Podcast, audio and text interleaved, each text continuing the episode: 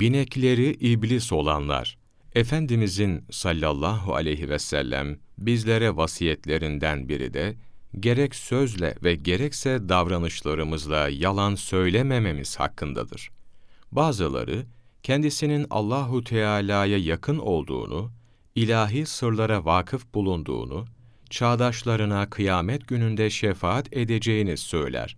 Gerçekte ne keşif sahibidir ne de Allahu Teala onu bu dediklerini yapacağına muttali kılmıştır. Yalan hakkında Şeyhayn şu hadisi anlatır. Yalandan kaçının. Yalan kişiyi fesat ve fücurluğa götürür. Fücur da cehenneme götürür.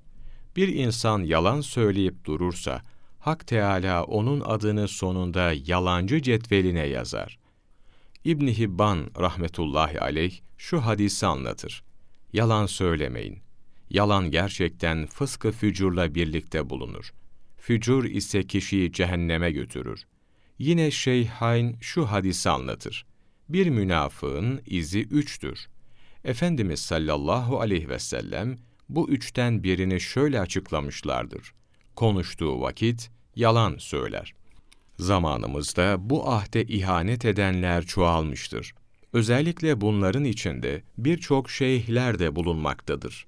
Hatta bazıları dostlarına, sana şeytan yaklaşacak veya gelecek olursa, buna doğru dön ve ona, senin adınla bu şeytanı kovuyorum diye seslen diyerek tavsiyede bulunurlar.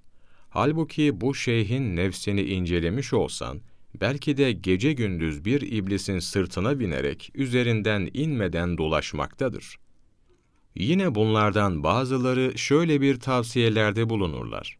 Sana münker ve nekir melekleri gelir ve seni sorguya çekmek isterlerse veya bir cehennem zebanisi yanına gelirse, ben filancanın cemaatindenim diye o zebaniye bildirmelisin. Adımı verdiğin takdirde, onlar senin yakanı derhal bırakacaklardır. Daha buna benzer birçok anlamsız hezeyanlarda bulunurlar. Ey kardeşim!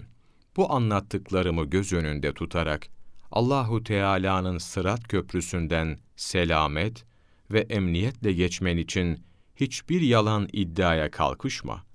Allahu Teala seni hidayete eriştirsin. İmam Şarani, Büyük Ahitler, sayfa 985-988, 5 Ağustos Mevlana takvimi